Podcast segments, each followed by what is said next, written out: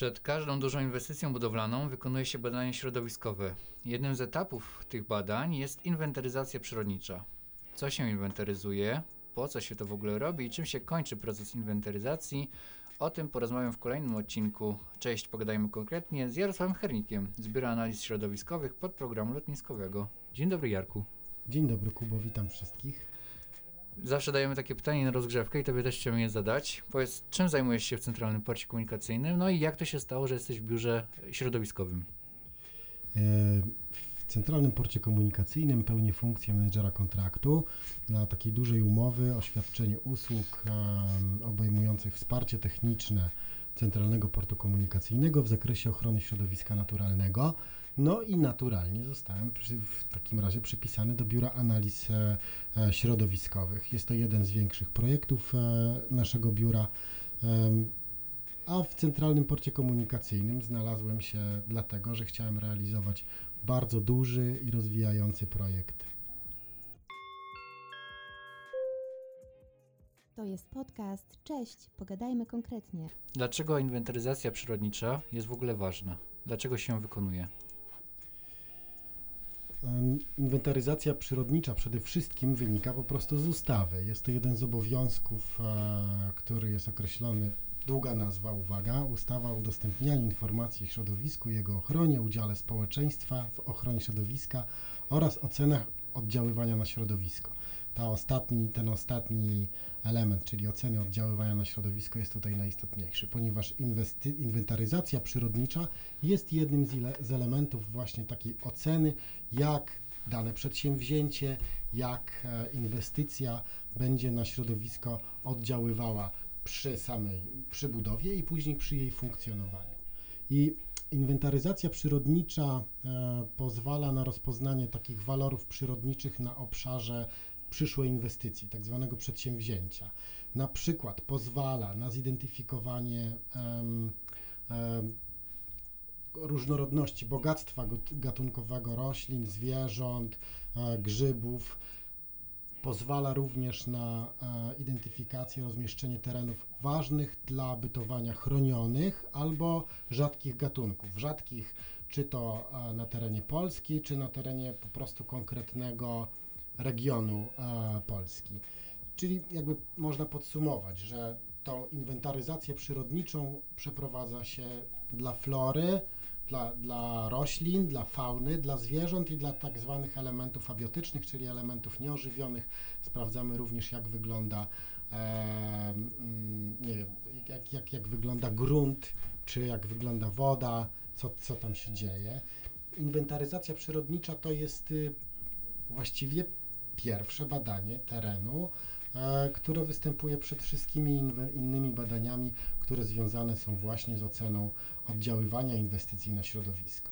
Poza samą inwentaryzacją przyrodniczą w takich badaniach prowadzone są też inne badania środowiska, to są na przykład nie wiem, pomiary hałasu, pomiary tła akustycznego, pomiary, tak jak już wspominałem, te elementy abiotyczne się e, e, bada, czyli pomiary przepływów wody, jakości wody w rzekach, badania również na przykład jakości powietrza. To są takie podstawowe badania środowiskowe, e, które wykonuje się no, w tym całym procesie oceny oddziaływania inwestycji na środowisko. O tym, dlaczego się to robi, to już tak trochę wspomniałeś, ale powiedz mi, jaki jest w ogóle cel takiej inwentaryzacji, no i też ile trwa taka inwentaryzacja? Mhm, to jest, znaczy celem inwentaryzacji, tak jak e, w związku z tym, że to jest, e, tak jak wspominałem, to jest trochę obowiązek ustawowy, no to jest właśnie rozpoznanie e, samego terenu, Mm, mm, i przekazanie pewnej oceny, jak sama inwestycja będzie później wpływała na, na to środowisko. I tak mówię, rozpoznanie terenu, do, rozpoznania terenu dokonujemy pod względem obecności chronionych prawem przede wszystkim, rzadkich, endemicznych um, czy reliktowych siedlisk przyrodniczych oraz gatunków roślin, zwierząt i grzybów. Um, I ta wiedza, którą w tym procesie e, nabędziemy, pozwala na dostosowanie powiedzmy projektu inwestycji do warunków przyrodniczych panujących na danym terenie i podjęcie, co jest istotne, podjęcie tak zwanych działań kompensacyjnych, czyli działań mających na celu odtworzenie cennych przyrodniczo siedlisk, na przykład przesadzanie roślin chronionych, właściwe zaprojektowanie przejść dla zwierząt nad lub pod drogami, lo- liniami kolejowymi. W naszym przypadku również ma na celu zbadanie e, tras e, przelotowych ptaków, bo jak wiadomo, no, w przypadku awiacji e, no, poznanie zwyczajów ptaków na danym terenie jest szalenie istotne.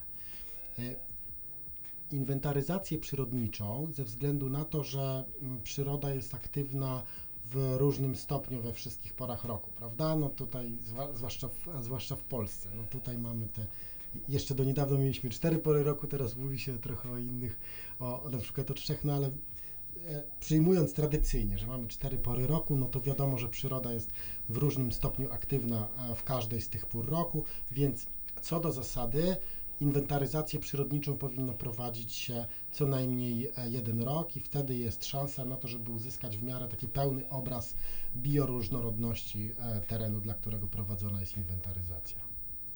Jak w ogóle wygląda taka inwentaryzacja? Od, od czego wy zaczynacie taki cały proces inwentaryzacyjny? Czy inwentaryzację można podzielić na takie trzy główne etapy? Pierwszy może być najdudniejszy z pewnej perspektywy, ponieważ on polega tak, na, mm, tak naprawdę na przeprowadzeniu pewnej analizy danych, które są już dostępne, prawda? Czyli e, mm, to się nazywa przeprowadzenie pracy o charakterze studialnym, czy inaczej kame, kameralne prace przygotowawcze, też to można tak to nazwać. Czyli my analizujemy dane, które były dane historyczne, które są już dostępne, one są, mm, mogą być publikowane lub niepublikowane, dostaje się wtedy je od poszczególnych organów, e, e, do których się zwrócimy. To mogą być na przykład dane od e, kół łowieckich, od lasów państwowych, od, od Polskiego Związku Wędkarskiego, tak jak wspomniałem, od organów ochrony przyrody. Mm, No, staramy się zebrać wszystkie dane, tak żeby wstępnie rozpoznać te obszary, które mogą mieć szczególne walory przyrodnicze. I wówczas, jak poznamy te, e, te obszary, to przechodzimy do drugiego etapu badań, czyli to, są, to jest to, co może być ciekawe, choć bywa żmudne, bo po prostu prowadzi się to faktycznie przez rok, i to są badania terenowe, czyli e, e, tu następuje ta faktyczna inwentaryzacja przyrodnicza, jakby sprawdzanie, e, sprawdzanie e, poszczególnych gatunków, o których już wspominałem. I to są mm, badania, które są prowadzone przez specjalistów z różnych dziedzin przyrodniczych. Tutaj będą ciekawe nazwy, dla mnie przynajmniej ciekawe. E, na przykład przez fito, fitosocjologów, którzy się zajmują rozpoznawaniem zbiorowisk roślinnych, herpetologów, którzy się zajmują badaniem płazów i gadów. Tutaj e, proste, bo to ornitologów, no to wie, większość z nas wie, że to są osoby, które obserwują ptaki, ale na przykład nietoperzy nie, nietoperzy nie obserwują ornitologowie, chociaż może, mo, może to oczywiście być powiązane, ale to jest taka specjalna nazwa. To są chiropterologowie, którzy badają właśnie konkretnie e, nietoperze. Tak jak wspominałem, czas trwania tego konkretnego etapu najczęściej wynosi 12 miesięcy ze względu na tą różnorodność e, aktywności, szczególnie no, no zwierząt, e, chociaż roślin też w trakcie, w, e, w trakcie trwania mm, roku kalendarzowego i w trakcie zmiany pór roku. No i etap trzeci, znów nudny, czyli opracowanie i podsumowanie wyników tych badań terenowych w formie e, takiego raportu z inwentaryzacji, w którym opisuje się, co faktycznie udało się na tym terenie zidentyfikować. Czyli faktycznie jest to bardzo szerokie pojęcie. W takim razie powiedz, co się inwentaryzuje już tak dosłownie, że jak jesteśmy, e, jak już mamy przed sobą cel inwentaryzacji? No, Dobrze, no przedmiotami inwentaryzacji to przede wszystkim są elementy, które podlegają ochronie. E, Raczej jakby na tym się koncentrujemy. E, natomiast to ja może tak powiem, to są mm, przede wszystkim siedliska przyrodnicze, później rośliny, grzyby, w tym e, porosty. Są, jeżeli chodzi o, o faunę, to na przykład są bezkręgowce, czyli badamy chrząszcze, motyle, mrówki, ślimaki, E, Badamy również ichtiofaunę, czyli ryby e, i minogi, herpetofaunę, to już o tym wspominam herpeto, o herpetologach, czyli to są płazy i gady.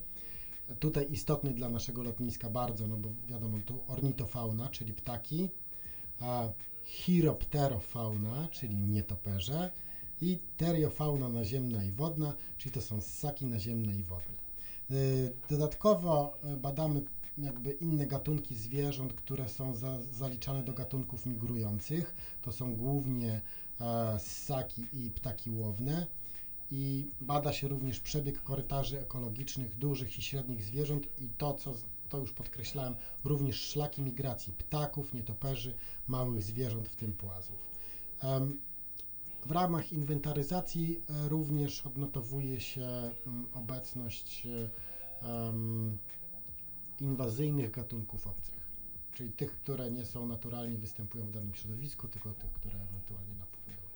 E, Na jakiej powierzchni w ogóle przeprowadza się taki, e, taką inwentaryzację? Znaczy wiadomo, przede wszystkim oczywiście bada się teren planowanej inwestycji, natomiast trzeba założyć bufor, którego wielkość jest zależna od e, samej skali przedsięwzięcia, od jego wielkości, i, ale również od ewentualnie od tego, w jaki sposób to przedsięwzięcie, ta inwestycja będzie oddziaływała e, na środowisko wokół tej, wokół tej inwestycji.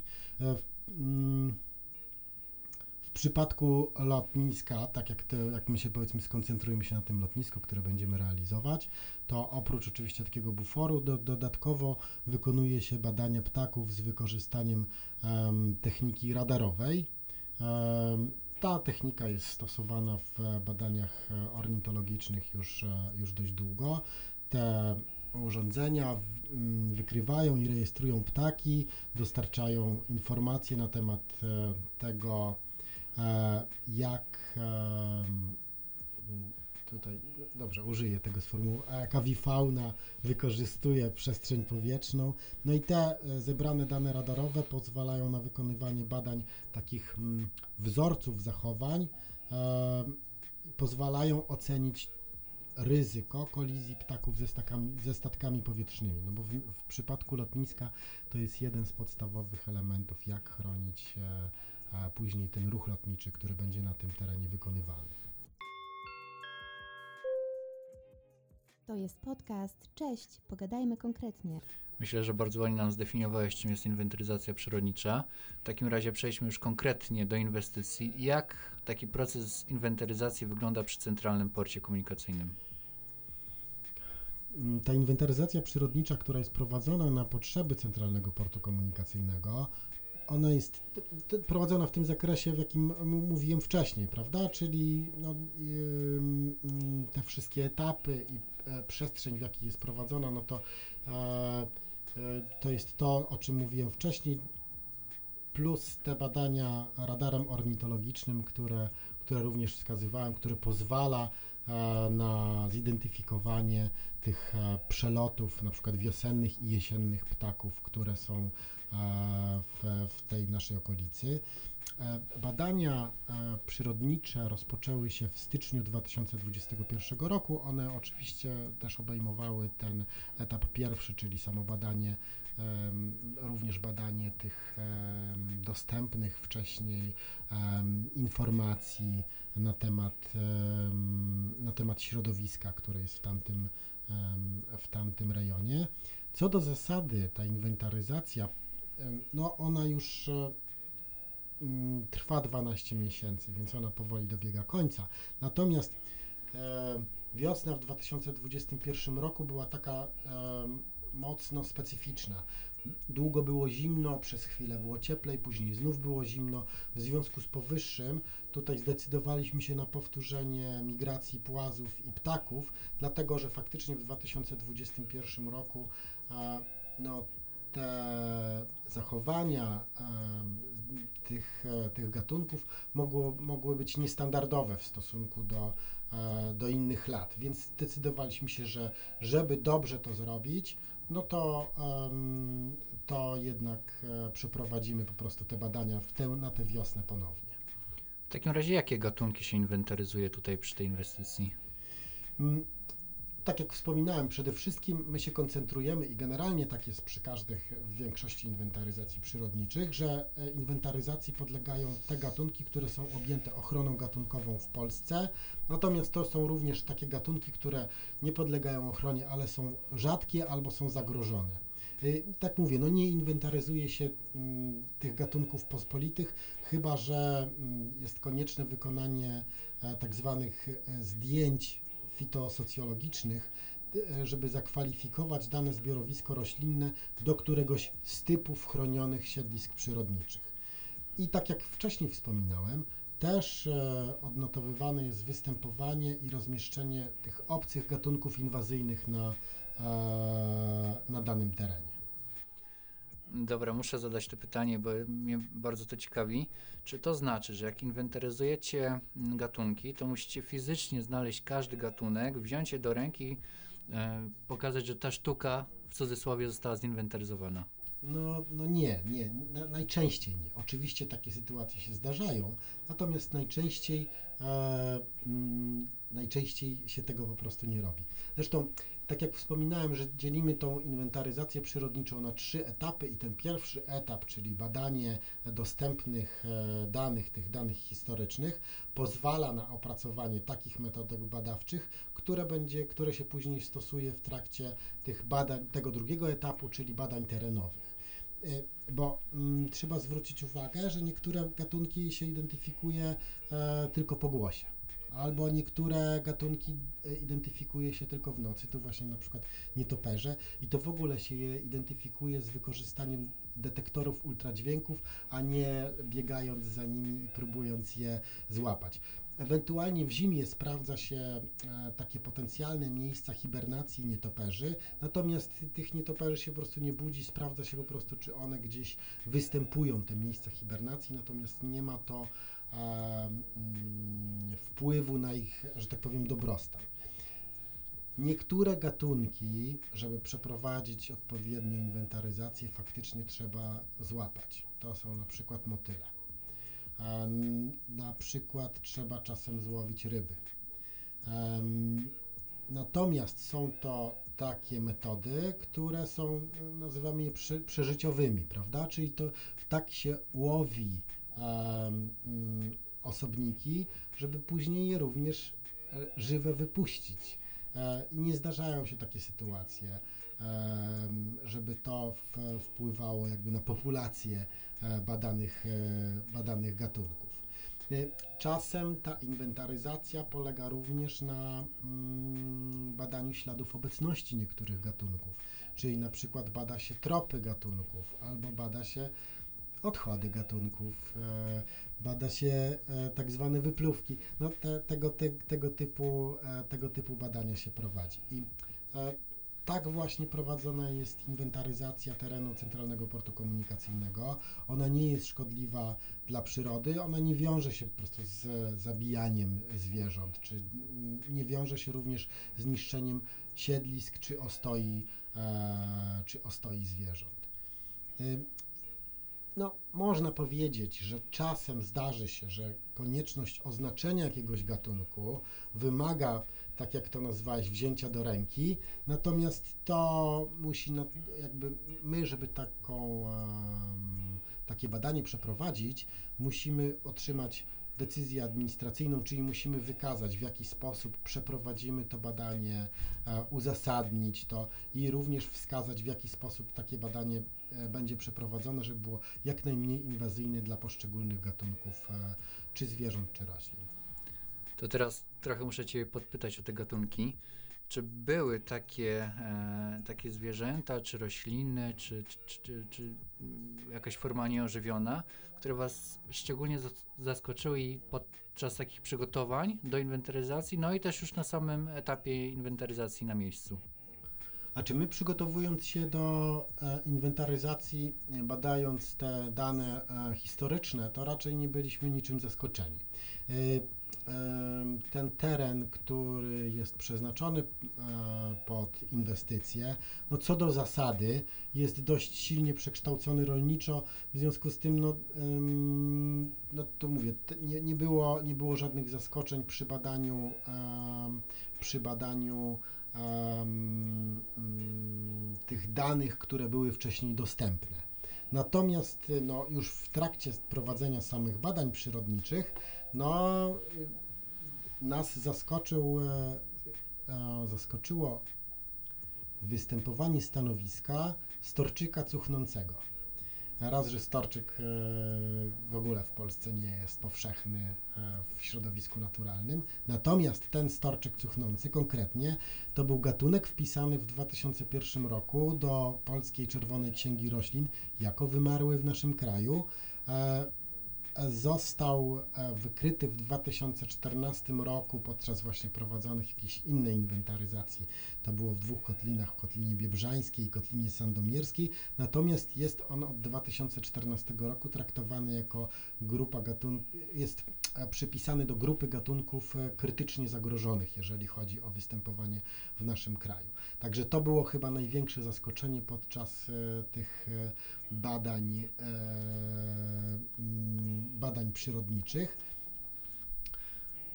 Mm, Rozważamy, i tu jest właśnie ta ciekawa rzecz, ponieważ dzięki temu, że wykryliśmy ten, ten gatunek, rozważane są różne działania kompensacyjne. Jeszcze, jeszcze jakby nie mamy e, mm, tak do końca określonego e, sposobu, jak, jak będziemy mm, starali się e, ten gatunek na tym terenie ochronić. Natomiast to można rozważać na różne sposoby, czy próby takiej mm, no, przesadzenia, tylko że to, to nie jest tak jak w ogródku, prawda? Tego storczyka to się nie przesadza e, z miejsca na miejsce, po prostu nie bierze się, e,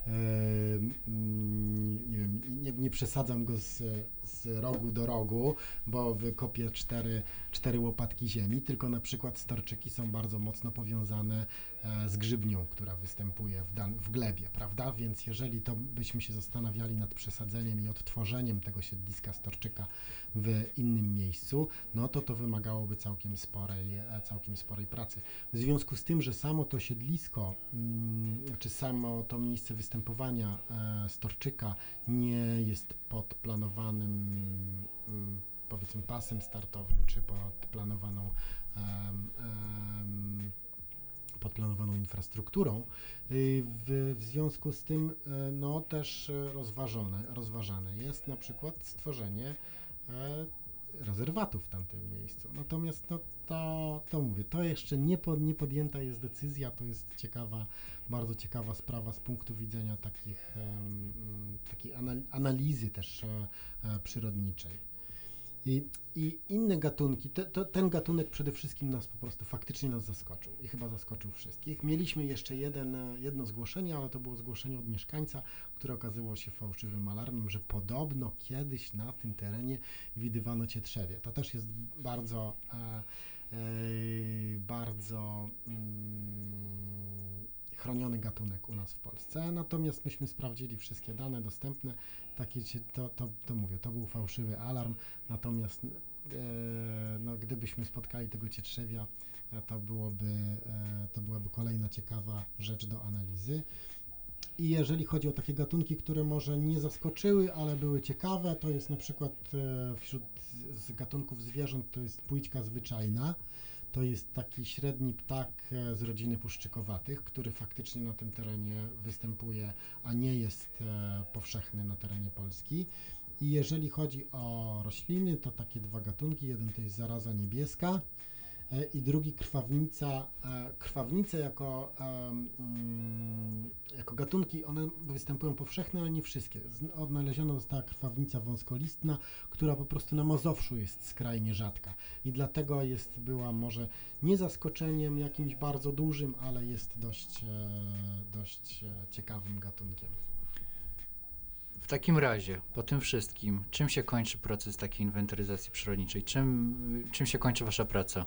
Mm, Tak jak wspominałem wcześniej, ten etap trzeci, prawda? Czyli po prostu no, taką inwentaryzację, tak jak przy większości inwentaryzacji, nie tylko przyrodniczych, kiedy dokonujemy jakichś badań na tego, co występuje na danym terenie, po prostu to e, przygotowuje się dokument, raport, który stanowi podsumowanie tych prac przeprowadzonych w terenie i wykonanych na podstawie tych prac analiz.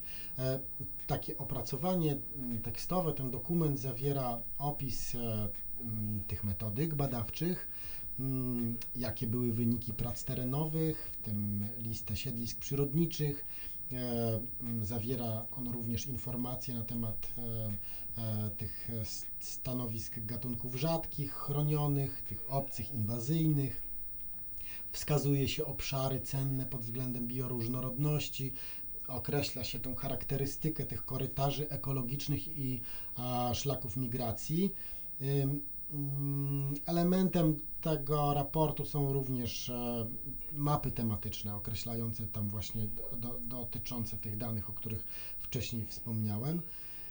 Mm, Cóż, dane o, o takim rozmieszczeniu tych gatu- zinwentaryzowanych gatunków, one są przygotowywane w formie mm, specjalnych e, plików takiego geograficznego systemu informacyjnego i dzięki temu mogą być łatwiej użyte przez e, planistów i inżynierów w e, procesie projektowym. To jest podcast. Cześć, pogadajmy konkretnie. To już tak zbliżając się do końca naszego dzisiejszego podcastu. Jaki jest główny cel badań środowiskowych dla Centralnego Portu Komunikacyjnego i jak bardzo to przybliża do budowy? Mm. Generalnie celem inwentaryzacji przyrodniczej, w naszym przypadku również, e, jeżeli chodzi o Centralny Port Komunikacyjny, to jest określenie, czy planowane przedsięwzięcie zaszkodzi i w jakim stopniu ewentualnie zaszkodzi przyrodzie, która się znajduje na danym terenie i w jej e, i w bliższym i dalszym sąsiedztwie tego przedsięwzięcia, tej naszej inwestycji. E, to em, staramy się to określić na to, e, czy to będzie dotyczyło etapu budowy, ale również w jaki sposób e, eksploatowana, eksploatacja tej, e, tego przedsięwzięcia, czyli w naszym przypadku po prostu prowadzenie lotniska, ruch lotniczy czy ruch pojazdów wpłynie na środowisko w, w, najbliższej, w najbliższej okolicy. I to jest właśnie ten jeden z najistotniejszych elementów oceny oddziaływania mm, samego przedsięwzięcia na środowisko. I teraz e, celem również e, jest to, żeby projektanci, którzy będą realizowali, którzy będą przygotowywali projekt e, naszej inwestycji, żeby mieli szansę dostosować projekt do uwarunkowań przyrodniczych. To znamy chyba naj, naj, najwięcej z nas na to z, na przykład z, jeżeli jedziemy autostradą, no to zauważamy przejścia dla zwierząt, które mają swobodnie umożliwić e, migrację e, gatunków na danym terenie, prawda? To jest jeden z elementów tak zwanej e, tej kompensacji, która pozwoli na to, żeby inwestycja w jak najmniejszy sposób wpływała na mm, przekształcenie tej przyrody wokół. I tak jak wspominałem, no, projektanci mogą dostosować ten projekt do uwarunkowań przyrodniczych przede wszystkim w celu uniknie, uniknięcia kolizji z wyjątkowo cennymi obszarami, no czy zastosowanie tych rozwiązań, o których wspominałem, które mają tą cenną przyrodę chronić.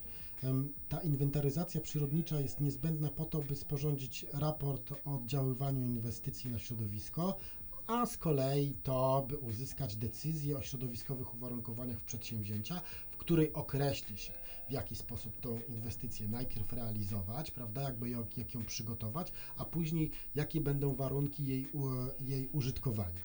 E, I tutaj to chyba przechodzimy tak płynnie do tego drugiego e, elementu pytania, czyli jak to nas zbliża do budowy. Po prostu decyzja o, mm, oddziały, o, mm, o środowiskowych uwarunkowaniach przedsięwzięcia poprzedza de facto wszystkie inne e, decyzje, które są związane z budową samej inwestycji.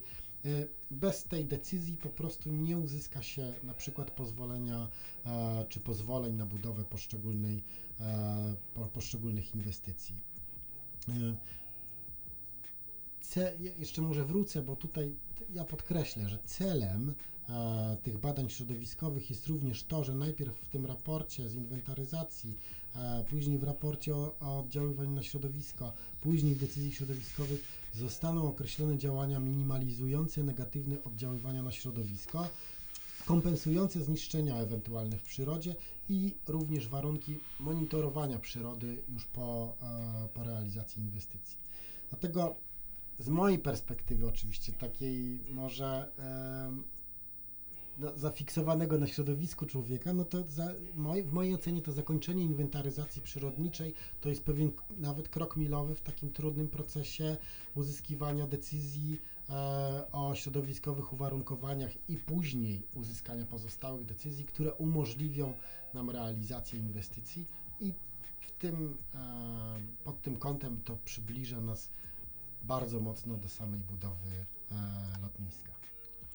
Jarko, ogromnie Ci dziękuję za dzisiaj. To naprawdę była wielka przyjemność Ciebie gościć, zwłaszcza, że widzę w Dziękuję. oczach tak, taką radość o tym, co opowiadasz o, o całej przyrodzie, e, bo tego zawsze się dobrze słucha. Jeśli Wy macie jakieś pytania dotyczące całej inwestycji, czy nawet procesu inwentaryzacji, piszcie do nas na podcasty małpa.cpk.pl. A dzisiaj jeszcze raz powtórzę, naszym gościem był Jarosław Hernik z Biura Analiz Środowiskowych. Dziękuję Kubo i dziękuję Państwu. Dziękuję bardzo.